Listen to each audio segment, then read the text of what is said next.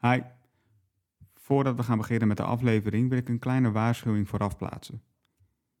We gaan het vandaag namelijk hebben over eetstoornissen. We hebben het over de oorzaken, behandelingen, maar ook alles daaromheen. Dit is een zeer gevoelig onderwerp en kan dus zeer triggergevoelig zijn. Er komen in deze aflevering wellicht onderwerpen aan bod die bepaalde triggers kunnen oproepen. Mocht je op dit moment in een soortgelijke situatie zitten, dan is het misschien verstandig om deze aflevering of niet te beluisteren, of samen met iemand te beluisteren. Herken je jezelf in het verhaal van Sylvia, of denk je misschien hulp nodig te hebben? Neem dan contact op met je huisarts. En dan gaan we nu beginnen met de aflevering. Hi, en leuk dat je luistert naar aflevering 8 van Meer dan Ziek, de podcast. Mijn naam is Johan Hokkelman en in deze reeks spreek ik met mensen die kampen of te maken hebben gehad met een ernstige aandoening, ziekte en alles daartussenin. Door middel van diverse categorieën bespreken we het leven van de gast. In dit geval leef je al 11 jaar met een eetstoornis, maar hoe ga je hiermee om? Wat kan wel, wat kan juist niet? En daarvoor spreek ik met de 28-jarige Sylvia. Welkom. Dankjewel. Mag je koffie rustig neerzetten? ik zag je heel voorzichtig de koffie neerzetten. Uh, allereerst, ja, bedankt dat je mee wil doen. Ja, bedankt dat ik uh, gevraagd ben. tuurlijk, tuurlijk. Ik zei net al, we hebben het over, gaan het over eetstoornissen hebben vandaag. Ja.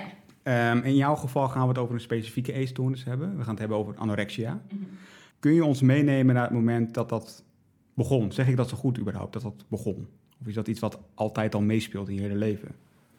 Uh, ik denk dat het per persoon heel verschillend is. Je hoort vaak dat het deels genetisch bepaald is en uh, dat het deels te maken heeft met uh, factoren en omgevingsfactoren en zo. Um, en ik denk dat vooral dat laatste bij mij aan de hand was. Ik ben op de basisschool altijd heel erg gepest. En um, mijn bijnaam was Sylvia Dictiet. En dat... ja, dat is best wel gillig eigenlijk. Maar nou ja, dat vond ik op dat moment echt vreselijk. Tuurlijk, um, ja. Maar hoe oud was je toen? Was... Ja, ik denk dat het echt, echt begonnen is toen ik een jaar of 14, 15 was. Dat ik, ja, dat ik echt gewoon mezelf te dik vond. En daarvoor was ik natuurlijk gepest op de basisschool. En dat is wel iets wat me altijd bijgebleven is. En waar ik me heel erg druk over gemaakt heb toen. En op den duur dacht ik, oh, maar als ik dan minder ga eten, dus niet meer snoepen en extra bewegen, dan gaat het misschien, ja, dan wordt het allemaal weer wat minder. Ja. Word ik wat minder. Maar was dat dan ook echt zo of voelde jij je zo? Nee, ik voelde me zo. Ja, als ik echt foto's kijk van toen, denk ik echt, oh mijn god, kind, hoe haalde je het in je hoofd? Echt, hoe dan? Maar dit zijn de basisschool tijdens, ja, tijdens de, de kind zijn, zeg maar, is dat zaadje al wel geplant waar je ja. nu nog steeds mee rondloopt? Ja. Ja, het is niet dat ik nog denk van, oh joh, ik heb dikke tieten, dat kan echt niet of zo. Maar gewoon dat ik, uh, nou ja, dat ik wel mezelf uh, dikker zie dan ik ben als ik in de spiegel kijk. Ja. En dat is nog steeds zo. En je was dan 14 dat dat een beetje begon. Um, ja. Maar wanneer, kreeg je, wanneer besloot je dan zelf stappen te ondernemen? dat er uiteindelijk de diagnose anorexia uitkwam?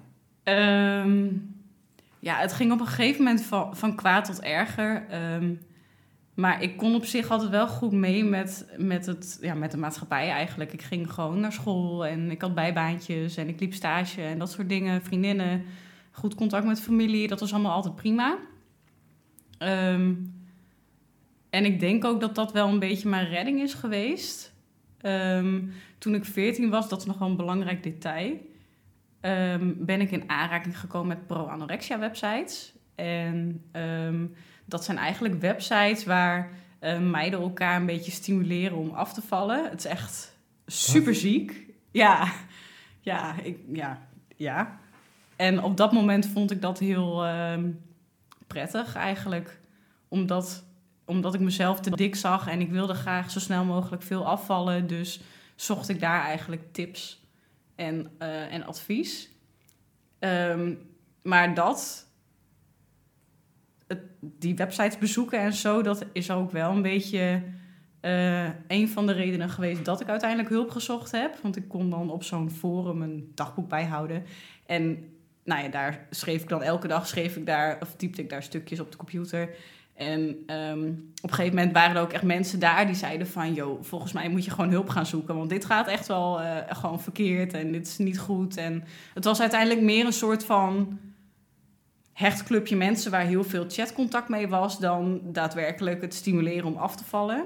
Maar de, de site op zich was nog wel ingericht om... Ja, Dus dat, en die mensen die daar dus ook advies zochten, zeiden tegen jou... ja.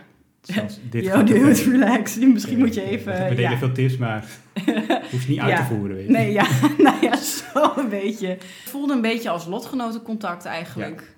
Ja. En ik had toen, eh, toen een relatie. En, ehm, en mijn toenmalige partner die zei van... Goh, volgens mij eh, gaat het niet goed en is het goed eh, dat je hulp gaat zoeken. En toen ben ik samen met hem naar de huisarts geweest. En nou ja, toen is het balletje eigenlijk een beetje gaan rollen. Ik ben doorverwezen naar de, naar de GGZ afdeling eetstoornissen. De huisarts had ook eigenlijk al wel de diagnose anorexia gesteld. Ehm, maar toen, ja, een huisarts, ik weet niet of dat officieel mag of zo, geen idee. Maar uiteindelijk heb ik nog intakegesprekken gehad Ja, en precies. onderzoeken en zo. En is het vastgesteld door een psychiater. Ja. Ja. Mag ik vragen hoe je er toen tussen aanhalingstekens aan toe was? Dat je vriend ook zei van, we, gaan nu naar de huisarts. Ehm, ja, het is wel grappig dat je dat vraagt. Want ik dacht, ik heb de hele dag een beetje nagedacht over hoe dit zou zijn vanavond. En ik dacht, oh, eigenlijk wil ik gewoon beginnen met de vraag: wat denk jij als je denkt aan anorexia? Wat ik daaraan bij denk, denk ik, als ik heel hard mag zijn aan hele magere, toch wel dames, meisjes, vooral jonge meisjes. Terwijl ik ook heel goed weet dat jongens net zo goed anorexia kunnen hebben. Dat dat misschien ook nog wel een heel erg onderbelicht onderdeel daarvan is. Maar toch zie ik, en dat komt ook wel door, eh, dan ben ik de naam van de documentaire even kwijt. Ehm, maar dat is een documentaire op NPO, dus dat valt nog wel op NPO. eh, waarin een Nederlands meisje gevolgd wordt, eh, die dat uiteindelijk niet haalt. Een hele Oh, aangrijpende Emma wil leven. Emma wil leven inderdaad, wat ik een hele aangrijpende documentaire vond. Ja, Maar dat zie ik voor me op het moment als ik denk aan eetstoornis op zich. Terwijl ik ook weet dat je heel veel varianten hebt, of best wel wat. ja. Ik was, er, ik was er vooral in mijn hoofd heel ernstig aan toe. Eh, lichamelijk was het... eh, nou ja, ik was, ik was niet zoals ik nu ben. Maar ehm, ja, dat kunnen de luisteraars natuurlijk niet zien. maar, Op Instagram zouden ze wel kunnen zien Ja. natuurlijk, hè? Ja, Hè, dat is eh, via @saletalks. Ja. Daar Ja, zou je dus kunnen... Dus kijk dat ondertussen terwijl we Ja. verder babbelen. Goeie reclame, nice. maar ja, ehm, wat zou ik ook weer zeggen? Oh ja, hoe ik eraan toe was. Nou ja, eh, ik kon alleen maar bezig zijn met eten. Nou ja, in mijn geval vooral niet eten, maar ehm, ja, ik kon alleen maar denken aan eten. Ik, ik stond op en ik dacht, oh, wat ga ik vandaag allemaal eten? En ik bedacht hoeveel ik moest bewegen om dat eten weer te verbranden. En ik ging naar bed met, oh fuck, wat heb ik allemaal gegeten vandaag? Hoeveel calorieën? En tellen, stappen tellen, calorieën tellen, alles. Een soort obsessief Het gedrag. was ja, ja. En als we na zo'n dag kijken, is het dan echt dat je 's ochtends kijkt, ik mag dit eten, ja. zoveel stappen, en dan moet ik zoveel stappen zetten. Ja, ik had voor mezelf elke dag een, een doel wat ik dan moest behalen, zelf moest, maar wat ik dan eh, maximaal mocht hebben aan calorieën en eh, hoeveel ik moest bewegen. En als je dat doel niet haalde, in de zin van je nam meer calorieën of je zette te weinig stappen, Dan ehm, moest ik de dag daarna nog minder calorieën eten. Ja. Ja. Ja, ik moet een beetje lachen, maar dat komt ook omdat, omdat ik me nu heel goed besef hoe, hoe fucked Ja. up het eigenlijk allemaal is of zo. Hoe, hoe je brein nou ja, je iets kan wijsmaken wat eigenlijk helemaal niet zo is. Het is wel echt iets, Ja. iets heel snel uit de hand kan lopen natuurlijk. Ja, ja klopt. Heb je daar wel eens over nagedacht tijdens, of misschien daarna, tijdens de, na de diagnose, dat je, Of het uit de hand kon lopen? ja, dat het misschien Nee. nog erger had kunnen gaan? Nee. nee, daar heb ik echt nooit bij stilgestaan of over nagedacht. Nee. Maar ja, goed, weet je, het is ook al iets wat zo lang in mijn, in mijn leven ehm, is. Ik heb in, in al die jaren heb ik heel veel verschillende behandelingen gehad, heel veel therapieën. Ik, heb, ik ben vier keer opgenomen geweest in de kliniek. Ehm, ik heb twee keer dagbehandelingen gevolgd. Nou ja, en allemaal heel veel individuele therapieën, groepstherapie, echt van alles wat. Ja. Maar ik wil eigenlijk nog even terug naar het moment dat je dat, dat, je, dat de eh, GGZ zei, of de psycholoog, zeg, zeg het goed, GGZ? Ja. GGZ. Ja, ja. Ja. Ja, de psychiater van De psychiater van de GGZ. GGZ. Ja. Dat de psychiater van de GGZ. nee, dat die zei, eh, eh, ja, je hebt anorexia. Was dat op dat moment voor jou een moment, ja, kan ik me in vinden? Of denk je, nou, ja, het is wel grappig dat je dat, dat je dat zo vraagt, want ik ben bezig met het schrijven van een boek. Hm. En ehm, ook nog iets waar ik mee bezig ben, is superleuk. Een autobiografisch boek wil ik graag gaan schrijven. Wow. Eh, omdat ik denk dat het heel veel mensen zou kunnen helpen. Ehm, en ik begin het eerste hoofdstuk met, eh, met, met hetgeen wat, eh, wat de psychiater op een gegeven moment tegen mij gezegd heeft. Echt vrijwel in het begin dat ik daar, eh, dat ik daar was. Ehm, en ik weet nog zo goed dat ze zei... Oké, Sylvia, luister. Je kan kiezen. Of je ligt binnen nu en zes weken in het ziekenhuis aan de zondevoeding... of je laat je vrijwillig opnemen in een eetstoorniskliniek. Nou, dat is echt... Ja, ik denk dat ik haar toen twee of drie keer had gezien of zo. Wow. Ja, dat was echt wel eh, heftig. Ja. Ja. Maar Ja. vond je het fijn dat ze zo direct was? Ja, ja, ik vind het altijd heel prettig als mensen direct zijn. Want dan, ja, voor mijn gevoel weet je dan gelijk wat je aan iemand hebt of zo. Gewoon Ja. als iemand direct is of ja, altijd eerlijk. Ik vind dat heel prettig. Eh, ik kan me voorstellen dat het voor heel veel mensen ook heel onprettig kan zijn. Maar ik denk dat ze mij best wel snel had, eh, ja, goed heeft ingeschat. Zeg maar. Ja, precies. Maar ik weet nog goed dat het echt wel voelde als, als een klap in mijn gezicht. En dat ik dacht, oh mijn god, wat zeg je nou dan? Ja. Ziekenhuis, zonder voeding. Nou, zo erg ben ik er toch niet aan toe. En ja, je hebt gezegd dat ik een eetstoornis heb, maar... Yo, eh, het valt allemaal wel mee. En ik Ja. ga nog naar school en ik heb vrienden en ik heb een netwerk om me heen en ik heb een bijbaan. En nou ja, ik doe alles, dus doe even normaal. Ja, even relax, zo heftig. Ja. Maar wist je, had je van tevoren wel eens met het idee gedacht, oh, misschien heb ik een eetstoornis, niet per se anorexia? Ja, ja, en dat komt door, eh, door die websites. Door die, ja, die pro-anorexia websites. Dat echt ook wel mensen daar zeiden van... nou, maar dit is gewoon wat jij omschrijft... en, en hoe jij zegt dat het gaat en zo... dat kan niet anders dan dat je dat hebt. Ja. Ja. Zullen we de eerste categorie gaan doen? Daarvoor gebruik ik een app en die bepaalt welk onderwerp we gaan behandelen. En de eerste categorie, dat is eh, dagelijks leven. Oké. Ehm, en daarmee wil ik het eigenlijk ook even gaan hebben over eh, jouw Instagram-kanaal. Mhm. Je bent een Instagram-kanaal begonnen, dat heet @siltalks. Waarom ben je die begonnen? Eh, vooral om, om te motiveren en te inspireren. Eh, ik denk dat er heel veel mensen zijn op aarde, in ieder geval heel veel mensen in Nederland, eh, die kampen met een eetstoornis. En eh, ondanks dat er best wel veel eh, Instagrams, Instagrams noem je dat zo? Instagram-kanalen, Instagrams, ja, nou ja, diverse pagina's accounts. zijn en zo, accounts, dingen. dat, ehm, dacht ik, ja, maar als ik het doe, is het anders. Het is gewoon, ja, het is echt nergens op gebaseerd, gewoon een gevoeletje. Maar ik dacht, als, als ik het doe, dan is het anders. Dus ik ga er gewoon voor. En ik heb eigenlijk altijd de droom gehad om iets voor mezelf te beginnen. En ik dacht, ja, nou ja, op zich, als ik een, een Instagram-pagina begin waar ik een beetje wat verhaaltjes op deel en zo. En wat positieve dingen, motivatie dingen en zo. Nou ja, misschien dat er dan wel mensen zijn die denken, oh, dat is leuk, interessant. En nou ja, ik wil eigenlijk gewoon zoveel mogelijk volgers. Dat klinkt misschien een beetje stom, maar dat is een beetje ook waar het om draait, toch, op Instagram? Zeker, dat draait allemaal, ja. En ehm, nou ja, als ik ooit mijn boek afgeschreven heb en uitgegeven heb, dan zijn er heel veel mensen die je kan bereiken in één keer. Dat is eigenlijk een beetje het doel. Eh, maar daarnaast wil ik heel graag eh, gastlessen en voorlichtingen gaan geven. En ehm, ik ben bezig met het maken van een eigen website. Die komt binnenkort online. En eh, daar deel ik ook blogs op. Schrijf ik over van alles en nog wat. Ik had een beetje voor mezelf bedacht, een soort van structuurtje. Dat ik dan op maandag mijn, mijn Mondays favorites doe. Waarop ik alle favoriete momenten van de week deel. En op woensdag een persoonlijk verhaal. En op vrijdag een verhaal gebaseerd op, weet ik veel, motivatie en tips en zo voor anderen.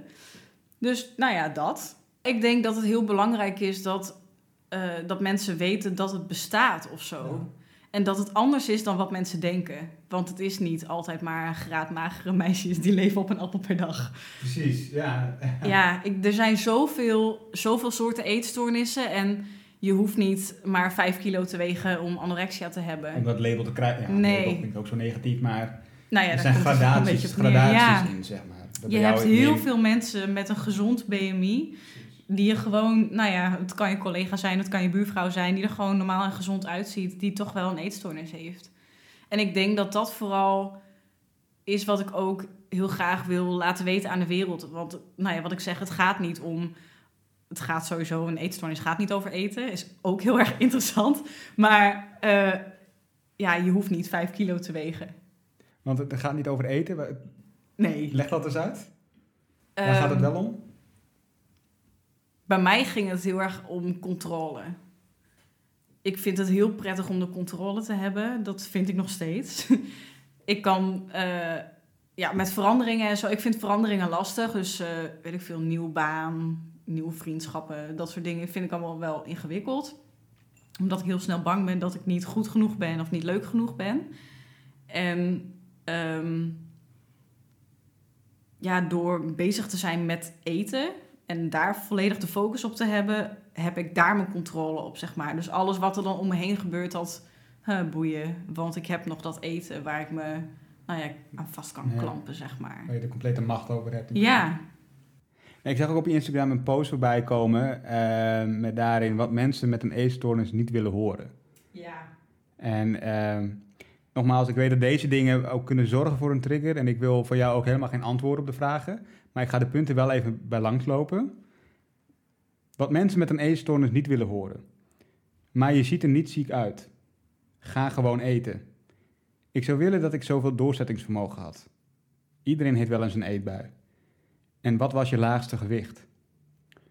Waarom zijn deze dingen not done om te zeggen? Ik vind het überhaupt heel gek, maar niemand... Ik vraag jou toch ook niet wat je laagste gewicht was? Dat is toch eigenlijk best wel een gekke vraag. Als je daar zo heel Ja? zwart-wit naar kijkt. Ja? Maar het is wel iets wat mensen altijd vragen. Oh, oh, eetstoornis gehad? Hm. Oh, wat was je laagste gewicht dan? Ja, we hebben die, we hebben die vraag echt heel vaak Ja, ja. Ik heb alles, wat- nou ja, alles uit die post Mm. heb ik eh, regelmatig gehoord. Wanneer Ja. was de laatste keer dat je zoiets hebt gehoord? Dat het je misschien het meest geraakt heeft. Oh, dat is wel lang geleden, want het raakt me niet meer zo. Maar ik weet dat ik het wel heel erg vond als mensen zeiden: Oh, maar je ziet er toch gewoon gezond uit. Dus ik dacht, ja, dus moet ik vijf kilo wegen. Ja. Zie je nou wel? Ik ben te dik. Maar kun je dan ook voorstellen dat, even los van, hè, je- mensen je vraagt nooit naar iemands laagste gewicht, dat zeker niet, maar dat het soms wel heel goed bedoeld is? Jawel, ja, ik heb ook echt wel familieleden die dan zeggen: Oh, Sil, wat zie je er goed uit? En dan nog steeds, nu, ook al gaat het nu echt super goed met me, nog steeds denk ik: Oh, ik ben aangekomen, je nou wel? Ik oh, dat. Echt waar? Terwijl het Oh. is echt super als iemand zegt: Oh, wat zie je er goed uit? Dat heeft Ja. helemaal niks te maken met hoe je eruit Moet ziet. je of juist maar Een ontzettend goed gevoel geven. ja, Ja, je kan er natuurlijk inderdaad op heel veel manieren goed uitzitten. Je haar kan goed zitten, ja, je kleren kunnen weet je, noem het op. Je Ja. kan erop- de, maar stralende blik of altijd, zoiets. eh, maar ja, ik denk altijd: Zie je? Altijd die koppeling. Ja, Denk je dat je daar ooit van afkomt? jawel. Gelukkig dat je... Ja, die was snel, hè? dat is heel snel. Zo erg ben ik ervan overtuigd. Omdat het nog nooit zo goed met me gegaan is als hoe het nu gaat. En ik denk dat het vanaf dit punt alleen nog maar beter kan worden. Zijn er dingen waar je op dit moment elke dag nog bij stil moet staan? Dat ik goed moet blijven eten. Is dat iets wat je jezelf ook moet vertellen? Ja. Daar moest ik even over nadenken. Ja, dat moet ik mezelf wel... Of nou ja, moet ik mezelf vertellen. Ik moet me er zelf wel aan herinneren dat ik moet blijven eten. Of nou ja, niet dat ik moet blijven eten, maar dat ik gewoon sowieso drie keer per dag ga eten. Ik vind het 's ochtends niet heel prettig om te eten. En dat is gewoon... Ik hou gewoon 's ochtends niet van ontbijt. Maar gewoon menselijk. niet eetstoornis gerelateerd. Maar ja, ik moet het wel doen. Want als ik dat dan oversla, dan vind ik het ook heel makkelijk om de lunch niet te nemen. Dan is de eerste stap gezet. Ja, dus ik moet daar heel scherp op blijven om dat wel gewoon te, te blijven doen. En lukt dat elke dag? Nee. En als dat dan niet lukt? Ja, meestal lukt het niet als ik bijvoorbeeld eh, moet werken of zo. Als ik een vroege dienst heb, dan eh, begin ik 's ochtends om half acht. Nou, voor die tijd, dan trek ik dat echt niet om, eh, om te eten. Maar gelukkig eten we op het werk altijd om 12 uur met de cliënten. Dus dan, ja, Dan, ga dan je is dat in- zeg maar mijn, mijn ontbijt en mijn lunch. Maar Ja. dan eet ik ook echt wel goed. Ja, precies. Dus dan, ja, dan gaat het gewoon wel. Zullen we nog een eh, categorie doen? Ja. Ja. Bring it on. Dat is eh, de vraag van de luisteraar. Ik heb op Instagram de vraag gesteld. Wat is het? Spannend, spannend. spannend? Ja, tuurlijk. Valt mee. hè? Ik heb op Instagram heb ik de vraag gesteld wat mensen van jou willen weten. Mhm. Ehm, en een van die vragen daarvan was. een van de vragen daarvan was. Daar moest ik even over nadenken of ik hem überhaupt zou willen stellen. Maar wat doe je als je bij iemand thuis gaat eten? Oh. ja, gewoon eten. Ja, maar moet je daar rekening mee houden? Of verwacht jij dat mensen rekening met jou houden? Nee, ik vind dat heel vervelend als mensen dat doen. Ik heb wel echt. eh, Ja, oh, dat is me zo vaak overkomen. Dat mensen dan zeiden: Oh ja, maar ik heb minder olie gebruikt hoor. Of ja, echt. Ja, ook wel. eh, ja, oh, ja, intens. Of dat mensen dan bewust, als je op een verjaardag bent of zo, dat mensen dan bewust niet vragen of je taart wil, omdat ze ervan uitgaan dat je het gewoon niet- wil hebben. Dat je, ja, dat je gewoon niet tegen voor het hoofd willen stoten. Ja, en dat is aan de ene kant natuurlijk super lief, maar what the fuck? Maar jij bent daar alleen maar voor de taart op dat moment. Sowieso. Nee, maar dat is, Ja. dat is echt gewoon heel gek. Dat vind ik echt wel, eh, ja, dat is echt, dat raad ik niemand aan. Gewoon, gewoon Gewoon doorgaan. doen. Ja. Ja. En in jouw geval geef je het dan aan als er iets... Ja, ik heb wel, niet over hoe je erin ik staat. heb op dit moment niet meer heel veel dingen die ik, die ik heel moeilijk vind. Eh, als mijn vader dit gaat luisteren, dan gaat hij waarschijnlijk heel hard lachen als ik dit hardop zeg nu. Ik vind, oh, hoe noem je dat nou? Nou, risotto. Ja? Dat vind ik echt nog een dingetje. Dat, eh, dat durf ik niet zo goed te eten. Ik weet niet waarom. Ik vind de structuur ook niet heel chill.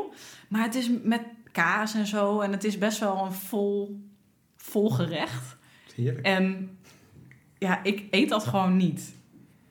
En laatst was ik bij mijn ouders en toen, toen wilden ze risotto maken. Toen zei ik, nee, nee, dat lust ik niet. Dat lust ik niet. Nee, dat hoef ik echt niet. Dus toen uiteindelijk is het wel anders geworden. Maar dat is wel iets wat ik gewoon... Dat gaat echt nog een stap te ver. Maar ja, weet ik veel, lasagne, pizza, patat, maakt me allemaal niet uit. Maar risotto, maar risotto, dat, ja, dat is echt nog een ding. En ik weet niet waarom. Ik weet ook niet waar dat is ontstaan. Nee. Ik heb dat misschien één of twee keer gegeten. Verder nog nooit. Maar ja, dat is een ding. Dat is een ding. Dat is een ding. Maar nog even goed antwoord op de vraag. Ik zou gewoon geen rekening houden. Als ik bijvoorbeeld, eh, weet ik veel, morgen naar mijn opa en oma ga om daar te eten, dan eet ik gewoon mee. Hey, eh, even tot slot voor deze categorie en dan gaan we nog eentje doen. Ehm, toen je eenmaal alles aan iedereen hebt verteld, aan wie het maar wou vertellen over je eetstoornis, ehm, kon je toen rekenen op heel veel begrip? Of waren er ook mensen die het anders reageren dan je had verwacht? Ik had eigenlijk helemaal geen verwachtingen. En iedereen was wel gewoon chill ermee of zo. Of chill. Het is natuurlijk, dat is niet het goede woord misschien. Maar gewoon, oké, nou ja, als dat zo is, dan Ja. ja, kut voor je. maar ja, Had ik je, ben wel, ja, als ik terugkijk, ben ik wel blij met hoe het gegaan is. Alhoewel, ik moet wel zeggen dat ik me niet meer heel veel kan herinneren van hoe dat toen allemaal ging. Maar de grote lijnen, prima. maar hoezo kun je je dan niet herinneren? Heeft dat... Ik denk dat dat met mijn slechte voedingstoestand te maken heeft. Ja? Ja. Ja. Ik was toen, en dat is nu gelukkig niet meer zo, maar de periodes dat ik heel weinig at of heel slecht at, heb ik, eh, ja, ik kan, me, ik kan me er niet meer heel veel van herinneren. Gewoon heel veel vergeten. Ja, ik had altijd een hele slechte concentratie. Ik vergat Hmm. veel. Altijd moe. Dat krijg je ervan. Dus niet doen. Doe, doe het niet. Altijd moe, haaruitval. Het is echt vreselijk. Ja? Ja. Haaruitval ook? Ja. Ja, je hebt natuurlijk heel weinig voedingsstof wat je binnenkrijgt. Ja. Vind je dat jammer? Los van alles, hè, maar vind je het jammer dat bijvoorbeeld ook je geheugen daarin wat is aangetast? Of tenminste je herinneringen van die tijd? Voor mijn boek is het wel jammer. dat ik wel eens denk van, oh, maar hoe ging dat toen? En ik heb ook wel dagboeken en zo geschreven. Soms dan lees ik ook wel eens wat terug en dan denk ik, hè? Echt waar? Oh my god, intens. ja, echt. Dat ik, ja... Oh, dit nogmaals, trigger warning. Maar ik weet nog zo goed dat ik... Toen ging ik net in therapie. En toen, eh, toen was er een meisje. En die, die had net twee koekjes op of zo. En die was echt helemaal... Oh yes, dit heb ik even gedaan. En eh, nou ja, goed tegen de eetstoornis in gegaan en zo. En ik, ik ging echt helemaal lijp op één partje van een mandarijn. Dat ik dacht, oh fuck, fuck, ik ga dit echt niet eten, ik ga dit niet eten. Als ik dit eet, dan, dat komt echt niet goed. Echt waar? Ja. Ik was bang dat er calorieën in tandpasta zaten. Tandpasta? Ja, ja. Ja, het ging echt heel ver hoor. Tandpa nou, met tandpasta? Ja. Ja, ik was bang dat ik daar dik van ging worden. Of van dat, je hebt ook voor, vrouwen hebben toch altijd van die eh, crème en zo. Voor na het douchen. Ja, dat, Ehm ja, toen nou, hoe heet dat nou? ja weet je, weet je wel, bodycream. Ja, nou, dat Ja. soort dingen. Je hebt ook van die... Ja, dat! Nou, Ook eten, hè, butter. ja. Ik dacht, nee, daar word ik dik van. Echt? Dat vet, dat zuigt in mijn huid. En dan, ja. Ja, echt. Mijn hersenen waren echt niet goed toen, hoor. Maar dit was Ja, toen ik 17, 18 was. echt op het hoogtepunt. Dieptepunt. Ja, Maar dieptepunt, ja. Dieptepunt van... Ja. Ja. Ja. Ja. Ja, ik heb helemaal allemaal Nee, ik heb websites misschien tegenovergestelde. Ik gooi alles in me wat ook maar eetbaar is. maar bij tandpasta denk ik nooit, ach, lijkt me nou een stukje van niet? nee. nee, maar gewoon dat je dan je tanden Ja. gaat poetsen en dat er dan misschien per ongeluk wat... Dat je per ongeluk wat doorslikt of zo. Dat was mijn angst. Dat ik dacht, oh mijn god, maar straks dan zit daar vet veel calorieën in of zo.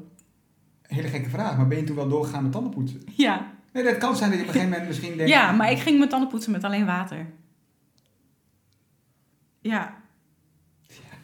Ja, echt. Oei, oei, oei. Ja. Tot ik erachter kwam dat het gewoon Oh, oké is. Ja, En- toen dacht ik, oh chill, oké. En toen En toen ging ik gewoon weer. Ja. Kubus, ja. je nog een mandarijntje? Nee, ik heb een tube tandpasta. Nee. Ja, nou ja, zo. Ja, wel fijn dat je er überhaupt achter kwam. Want als dat iets is wat echt nog in je hoofd gaat leven... Ja, dat is echt vreselijk. heb je weer wat vergaande gevolgen voor je gebit ook nog natuurlijk. Ja. Ah. Maar jij hebt ook nog de vraag eh, sticker gedeeld, zag ik. Ja, dat klopt. Even kijken, want ik had een heel makkelijk overzichtje gemaakt met alle vragen bij elkaar. Want ik dacht, dat is handig. Oh ja, maar dit zijn niet echt, niet echt vragen, vragen. Er was iemand die zei, anekdotes uit de kliniek. Paniek om gehaktballen. Hoe eetgekkies met z'n allen heel Holland bakt kijken. ja, ik heb... Ja, het laatste ben ik heel geïnteresseerd in. ja, het was echt super grappig. Ik weet niet meer zo goed welk jaar dat was. Volgens mij was het mijn derde opname in de kliniek. En we hadden toen echt een superleuke groep. En we keken, elke keer keken we met z'n allen heel Holland bakt. En we waren allemaal helemaal gefascineerd door dat programma. het was echt... Ik weet he- helemaal niet meer de context van het Nee. verhaal, maar ik weet nog zo goed, elke keer als dat ervoor kwam, zaten we met z'n allen in de woonkamer te kijken naar heel Holland bakt. In de kliniek. Ja. Ja. ja, oh, ik, ja. Het was, het was best wel een moeilijke tijd, alle opnames. Maar ik heb ook echt wel hele waardevolle momenten daar gehad. En echt super leuke momenten ook. Ja? Heel veel met elkaar kunnen lachen, ja. Ja. Nou, laten we dan de laatste categorie Ja. herstel maken. Oh, nice. Ja, oké. Want dan gaan we het daarover hebben. Ja, is goed. Hey, we gaan even naar het moment dat jij eh, de keuze kreeg... of je gaat over zes weken lig je aan zondevoeding... of je laat je vrijwillig opnemen. Mhm. Ja, ik ging natuurlijk voor de opname. Want ik Oh, dacht, ja. ik, ik wil niet de slang in mijn neus. Ja, nee, toch, toch opnemen. Ja, Ik, wist, ik wist niet eens precies wat zondevoeding allemaal inhield. Want het, het hele, nou ja, eetgestoorde wereldje, zal ik maar zeggen, was helemaal nieuw. Dus, nou ja, toen ik later thuis was en opzocht wat dat nou allemaal precies inhield... en ik erachter kwam dat er gewoon een, een vloeistof naar binnen druppelt, zeg maar... via een slangetje in je neus, wordt dat zo in je maag ingepompt. Ik dacht, ja, eh, dan kan ik niet eens eten. Dus dan word ik dik zonder dat ik er iets voor moet doen. Dat is helemaal niet oké. Ja, maar dat is, dat is denk ik ook misschien niet voor iedereen, maar dat is bij veel mensen wel hoe het werkt. Als je moet kiezen tussen een reep chocola of een glas cola, gewone cola. Als je, weet ik veel, tien eetstoornispatiënten naast elkaar zet, iedereen zal kiezen voor de chocoladereep. Waarom? Omdat cola vloeibare calorieën zijn. En dan, dat is een slok en het is weg. En een reep chocola, dan moet je op kouwen. En dat is nog wel een dingetje waar ik ooit van af hoop te komen. Drinken met calorieën vind ik verspilde calorieën. Ik heb veel liever dat ik het gewoon eet. Omdat je neemt een slok en het is weg. Ja. En nou ja, dat Met vind ik zonde. Met eten moet je er moeite voor doen. Of... Ja, maar dan kan ik er ook meer van genieten of zo. Oké, oké, oké. Dan het kost meer tijd of zo. Maar goed, eh, terug naar de kliniek. Ja, ik heb toen gekozen voor de kliniek Ja. in plaats van de zondevoeding. En ik heb me toen laten opnemen in Groningen. Eh, ik heb daar zes maanden intern gezeten. Het was dan van zondagavond tot vrijdagmiddag. En eh, nou ja, dan heb je allemaal therapieën en zo. En dan mag je op eh, vrijdagavond tot en zaterdag naar huis. Ja, Maar ja vrijdagmiddag naar huis Ja. en dan zondagavond weer terug. ja, was je het weekend thuis. Ja. Was dat moeilijk de eerste keer dat je naar huis mocht? Ja en nee. De eerste zes weken mocht ik niet alleen zijn. Waarom niet? Kliniekregels. Oké. Ja, dat is volgens mij zodat je gewoon ja, onder toezicht bent van iemand. Zodat je volgt wat je. Eh, zodat je eet wat je moet eten. Ja. Dat je niet te veel beweegt. Gewoon dat er een beetje controle op is, zeg maar. En hoe zag die, eh, zo'n zo'n therapieweek eruit? Oh, ik doe eventjes een dag hoor, want een week Oh, is echt sorry, heel, eh, ja, heel ja, extreem. Doe een dag. Dat is echt heel veel verschillende soorten therapieën namelijk. Eh, ik weet nog, op maandagochtend was het om half acht wegen. En dan stond je met z'n allen in de gang voor het eh sociotherapeutenkantoor. Het kantoor van de sociotherapeuten. En eh, dan moesten we daar op de weegschaal om en om. En daarna om acht uur ontbijt tot half negen. En dan van half negen tot negen uur uitbuiken. Ik weet het echt nog precies. Uitbuiken, ja. Eh, dan, je mocht in dat half uur na het eten... Dus nou ja, s ochtends dan van half negen tot negen... moest je verplicht op de bank zitten. Mocht je niet naar de wc, niet lopen, niet niks. Om te voorkomen dat je obsessief ging bewegen... of dat je naar de wc ging om je ontbijt uit te braken... of dat soort dingen. Dus moest je verplicht zitten en het volle gevoel leren verdragen, eigenlijk. Ja, dat moest na elke maaltijd. ja. Is dat niet heel erg, eh, ja, natuurlijk voor jou op dat moment heel erg onnatuurlijk, denk ik. Ja. Maar ik zie me dan voor me dat er dan, ik weet niet hoeveel mensen jullie er waren, Acht. acht mensen in een soort U-vorm op een bank zitten. Alsof ze straf hebben. Nou, zo voelde dat Ja. wel een beetje, ja. Ja. En ik snap, ik snap op zich wel dat ze daarvoor kiezen om, de- om dat zo te doen, maar ja. Snap je dat toen ook? Nee, ik vond het vreselijk. Ik snapte er helemaal niks van. Nee, waarom zou je dat doen? Doe je toch thuis ook ja, niet? dat is normaal. Ja, ja. Nee, dat vond ik echt niet oké. Maar goed, daarna was het eh, van negen tot kwart over tien, denk ik ongeveer. Hadden we therapie. En nou ja, op elke dag, elke blok had je andere therapieën. Ik weet nog, op maandag kregen we dan cognitieve gedragstherapie. En eh, daar ben je vooral bezig met, eh, met de vijf G's. We moesten G-schema's maken. Daar werden we echt mee doodgegooid in de kliniek. En het is wel grappig, want ik merk dat het iets is wat we in mijn huidige werk ook gebruiken bij cliënten. Oh, ja. Dus dat is wel grappig. Maar je hebt dan ehm, de gebeurtenis, gedachte, gevoel, gedrag en gevolg. En dat moet je dan opnoemen. Of- Ja. Ja, bijvoorbeeld gebeurtenis. Ik heb gisteren patat gegeten. Gevoel, angst. Of boos of zo, weet ik veel. Ja, precies. En dan gedachte, ik word dik. Nou ja, Ja. eh, ga maar door. En dat ja. En dan, wij deden dan in de kliniek altijd het gevolg op korte termijn en een gevolg op lange termijn. En het gevolg op korte termijn, weet ik veel, het gedrag was bijvoorbeeld, ik heb te veel gelopen of ik heb me niet aan de afspraken gehouden. En het gevolg op korte termijn is dan eh, vaak, nou, ik heb meer rust in mijn hoofd, omdat je dan toegeeft aan de eetstoornis. Maar het gevolg op lange termijn is dan dat je de eetstoornis in stand houdt, Hm. doordat je dat gedrag toepast, zeg maar. ja. Dus dat, ik vond het altijd wel een heel prettig therapieonderdeel. Dat gaf veel inzicht in je eigen Ja, patronen ja, ja, en zo. precies. Ja. Maar goed, de half elf koffie en koek. tot ik denk elf uur. En dan van elf tot kwart over twaalf nog een keer therapie.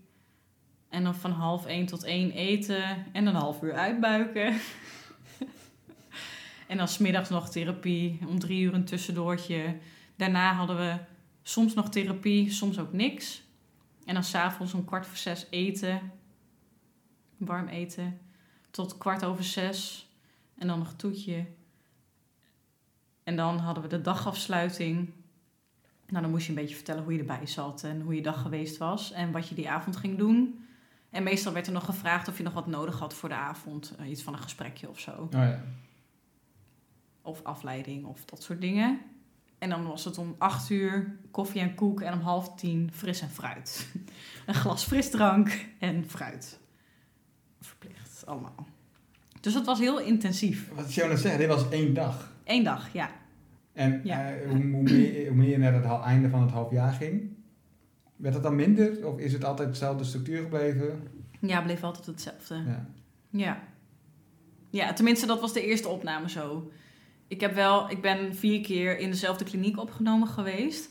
En de laatste opname was wel ehm, dat. Ik weet niet meer zo goed of dat bij mij ook zo was. Ik ben toen ook niet een half jaar geweest. Maar dat er echt wel groepsgenoten waren die dan. eh, nou ja, naar school gingen. Gewoon een dag of zo. Of een dag thuis waren om te oefenen. Ah, oké. Was het al vier keer vrijwillig? Ja. Waarom heb je op een gegeven moment weer gezegd, ik moet me weer laten opnemen? Wat gebeurde er de, tussen bijvoorbeeld opname 1 en 2? Oeh, dat is een hele goede vraag. Geen idee. Ik weet niet zo goed wat er gebeurde.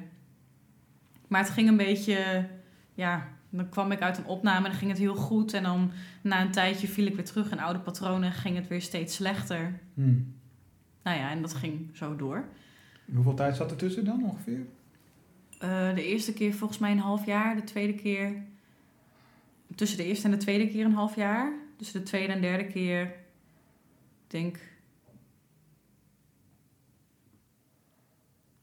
Een jaar of zo. Misschien langer. Weet ik eigenlijk niet.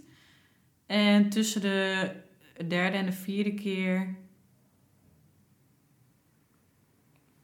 Lang. Drie Ja. jaar of zo. Oké. Ja, maar dat komt omdat in, ik weet niet of dat in elke kliniek zo is, maar dat is bij veel klinieken zo, wordt vooral alleen maar gedaan aan symptoombestrijding. Dus vooral eten, op gewicht komen en dan ga je weer naar huis. En, je die- bent wel bezig met de gedachten en gevoelens en zo, maar niet met de oorzaak.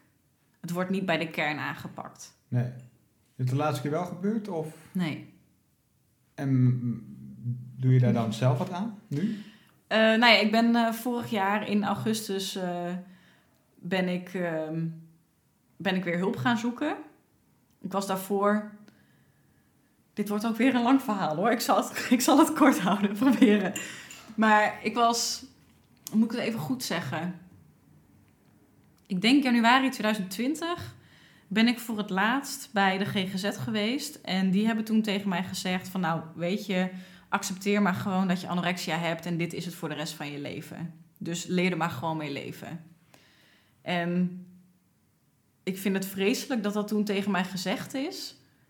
En ik vind dat nog steeds ook. En ik denk nu wel van, oh maar wacht maar even, ik zal je wel even laten zien dat dat gewoon onzin is. Ik vind het echt heel erg dat dat tegen meerdere mensen ook gezegd wordt. Eh, omdat ik het al zo lang, zo lang heb, Ja. en omdat het maar niet beter wordt. Of nou ja, werd. Ja, ja. en maar ja, voelt, dan voelt dat niet heel erg als je, ja, zeg het goed, je opgeven? ja, ja. Ja, zeker. Ja, accepteer maar dat het zo is. Het wordt niet beter. En toen ben ik eh, in augustus vorig jaar ben ik hulp gaan zoeken ergens anders. Ehm, mag ik dat noemen allemaal? Of, eh? Jij mag noemen wat Oh, ja, verhaal. weet ik veel. Eh, ik ben toen bij Human Concern terechtgekomen in Zwolle. En dat is een organisatie die werkt met ervaringsprofessionals. Dus alle therapeuten daar, die hebben zelf ook een Ah, eetstoornis gehad. Maar hebben ook wel de juiste scholing gehad, zeg maar, en hun papieren om, nou ja, ook ergens anders te werken, zeg maar. Ja, precies. Ehm, dus daar ben ik vorig jaar augustus terechtgekomen. En nou ja, wat ik ergens aan het begin ook zei, het is nog nooit zo goed met me gegaan als nu. En dat komt echt wel door Human Concern. Ik ben echt wel heel dankbaar dat ik daar eh, nou ja, behandeld kan worden. En ik weet nog heel goed het allereerste gesprek wat ik daar had met de regiebehandelaar. eh, ging ook over dat de GGZ tegen mij gezegd had van nou accepteer maar gewoon dat dit het is. En zij zei gelijk van wat? Ja, maar je gaat hier sowieso wel van afkomen en je moet niet de hoop verliezen, want het komt wel goed. Het kost misschien veel tijd en veel energie, maar er is altijd hoop. Ja. En dat heeft me zo eh, geraakt op dat moment. En ik vond het zo bijzonder dat iemand dat zo tegen mij zei. Dat ik dacht van, oh yo, zie je nou wel? Ik, er is wel hoop en het, het kan. En eh, nou ja, zo ben ik eigenlijk ook dat proces ingegaan. En eh, ja, here we are. En hoe ziet het huidige proces eruit dan? Ik heb toen één keer in de week gesprekken gehad met een vaste therapeut. En die spreek ik nog steeds elke week. Heel fijn mens. Ik kan heel erg met haar lachen, maar zij kan ook echt wel een beetje door me heen kijken en door me heen prikken. En dat vind ik heel prettig. Dat heb ik ook echt wel nodig. En ze is heel direct, dus dat is ook, dat vind ik Dat heel fijn. dat is altijd goed. Ja, en het is vooral gegaan over, over de kern en over, over gevoelens en zo. Want het is wel altijd over gevoelens gegaan in andere behandelingen, maar dan vooral de gevoelens die ik had over het dik worden. Hm. Dat ik heel erg bang was om dik te worden, vooral. Daar is het eigenlijk alleen maar over gegaan. En nu, ehm, ja, ik weet niet, voordat ik daar naartoe ging, nou, ik kan me niet herinneren wanneer ik voor het laatst gehuild heb, zeg maar, voor augustus vorig jaar. Dat Ja. was echt al heel lang geleden. Nou, nu, eh, nu zijn de sluizen open. hoor. Dus nu, eh, nu gaan we gewoon. Ja, echt. Ja, Ja, ja, als ik me nu heel verdrietig voel, dan kan ik, kan ik ook echt wel verdrietig zijn en kan ik daarom huilen. Maar daarvoor, nee. Alleen met zielige films kon ik huilen. Ik kan nu wel, ja, ik kan daar nu veel beter bij. En dat is wel Ja. iets wat ik daar geleerd heb. En het praten over, over wat er allemaal gebeurt van binnen en hoe dingen voor mij zijn. En ik ben veel meer gaan delen met de mensen om mij heen. En dat heeft me echt wel sterker gemaakt. En ook, ja, daardoor heb ik ook veel, eh, ja, veel mooiere gesprekken met mensen eigenlijk. Het is een beetje, ja, kwetsbaarheid verbindt. ja. Dat is wel iets wat ik nu wel vaak zeg. Ja. Ja. Tijdens die, tijdens die vier, eh, vier, vier opnames, hoe, heb je nog met mensen contact die daar ook hebben gezeten? Ja, wel echt eh, ja, hele hechte vriendschappen Ja. eraan overgehouden. Ja, Maar nog steeds ook dat je, dat je elkaar door dingen heen kan helpen? Want ja kan zeker. dat iedereen een beetje zo fluctueert af en toe. Ja. Spreek je elkaar met elkaar af? Hoe, hoe moet ik dat zien? Of is het alleen online? Of is het... ja, ik heb meerdere goede vriendinnen Ja. eraan overgehouden. Ehm, ik ben toevallig vanavond nog bij, eh, bij een van die goede vriendinnen Oh geweest. Ja, ja. en eh, ja, met, met haar kan ik... eh, ik kan alles met haar delen. Ja, we hebben... Dat is wel, wel een heftig verhaal. We hebben in, ehm, in februari hebben we een, eh, een vriendin van ons eh, zijn we verloren. En die kennen we ook van de kliniek. Oh. Ehm, maar dat, is- dat is niet de oorzaak geweest van haar overlijden. Maar we hebben toen samen, vanwege corona, hebben we online de uitvaart bekeken met nog iemand anders. En eh, dat was echt wel het moment waarop we allebei echt zo intens verdrietig waren. Maar waarbij het ook oké was dat we allebei zo verdrietig waren. En dat heeft eh, voor mijn gevoel onze band echt nog veel sterker gemaakt. En nou ja, vanavond eh, heb ik dus met haar afgesproken. We hebben samen gegeten. En dan, nou ja, we hebben, we hebben avonturen beleefd vanavond. Ja. Dat was echt super leuk. En dan gewoon weer super lachen met elkaar en zo. Weet je, het, het- ja, alles is gewoon oké of zo. Wat is dat het mooiste wat... Ik vraag altijd... eh, Of wat, wat het je precies heeft gebracht? Ja, shitload aan zelfkennis. dat sowieso. Ja. Het is echt, ja. Als ik. eh, ja, ik denk dat als er iemand kan reflecteren op zichzelf, dat ik dat ben. dat is echt niet te doen. Dat heeft het me sowieso wel gebracht. Veel zelfkennis, maar ja, ook gewoon wel vriendschappen. En ja, ik wil heel graag ooit, dat is ook een beetje mijn, mijn droombaan. Ik zou heel graag aan het werk willen als sociotherapeut in een eetstoorniskliniek.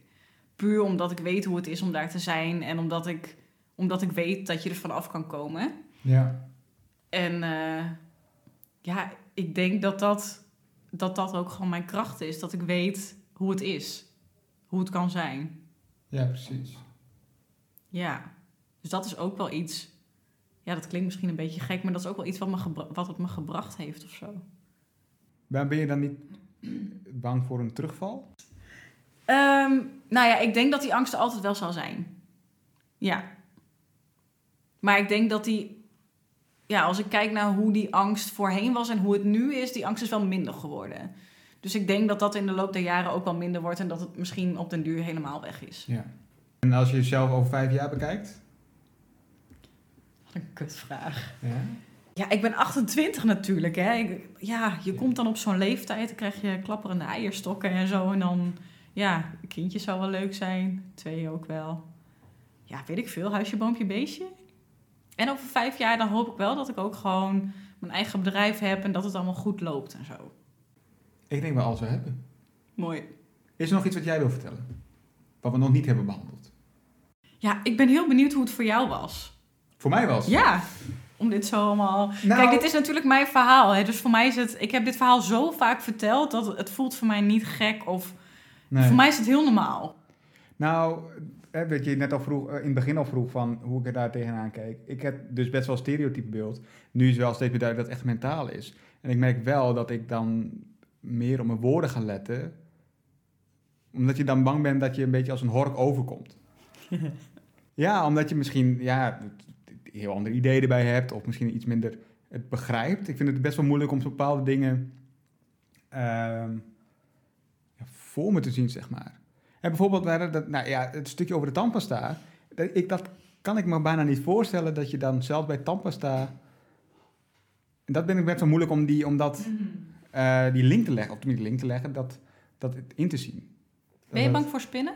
Spinnen? Ja? Dan zit er een boven me. Zie je me zweten? Nee, nee, nee, ik ben niet bang voor spinnen. Nou, heel veel mensen zijn bang voor spinnen. Ja. En eh, ik heb me ooit laten vertellen door, eh, door een psychiater dat het heel goed te vergelijken is, een eetstoornis, met, ehm, met een bord vol met spinnen. Hm. Stel, ik heb een bord voor me met twee boterhammen. eh, en jij hebt een bord voor je met spinnen, levende spinnen. En ik zeg tegen jou, je moet dat nu allemaal opeten. Dan kan je je denk ik voorstellen dat je daar best wel angstig van Zeker, wordt. zeker. Nou en dat is een beetje hoe het voelt voor iemand met een eetstoornis om bijvoorbeeld twee boterhammen te eten. Ja. Ik denk dat dat, ja, voor de luisteraar geeft dat misschien een beetje een beeld van hoe het kan zijn. Ja. Ja, maar dat is best intens, toch? ja, dat is, ja, ja. Het is vooral belangrijk dat als mensen, ja, weet ik veel, iemand, iemand kennen met een eetstoornis of iemand kennen waarvan ze denken dat iemand misschien een eetstoornis heeft of zo, of als je zelf een eetstoornis hebt, dat het gewoon heel belangrijk is om het bespreekbaar te maken. En dat praten echt, delen is helen. Dat zegt, dat is een mooie afsluiting. Delen is helen. Delen is hele. Ja, en kwetsbaarheid verbindt. Eh, nou, Sylvia, ik wil je heel erg bedanken. Bedankt dat je jouw verhaal wilde vertellen en eh, eh, dat jij je zo open hebt gesteld. Graag gedaan. Ik hoop dat je het leuk vond om te vertellen, interessant. En ook voor de luisteraars hoop ik dat ze het interessant vonden. Ehm, dan was dit eh, aflevering 8 van Meer dan Ziek, de podcast. Eh, volg Sylvia vooral op Instagram, dat kan via @syltalks. En zo blijf je op de hoogte van haar leven en haar vorderingen van haar boek. En noem het op. Volg als je dan toch op Instagram bent ook Meer dan Ziek. Eh, daar kun je altijd een vraag in sturen of je aanmelden om mee te doen. Nou, tot slot abonneer je ook op de podcast. Dat kan via je favoriete app. En als die app toevallig Apple Podcast is, laat dan ook even wat sterren achter. Ik ben heel erg benieuwd ook wat jullie ervan vinden. Bedankt voor het luisteren en tot over twee weken. Doeg! Doei.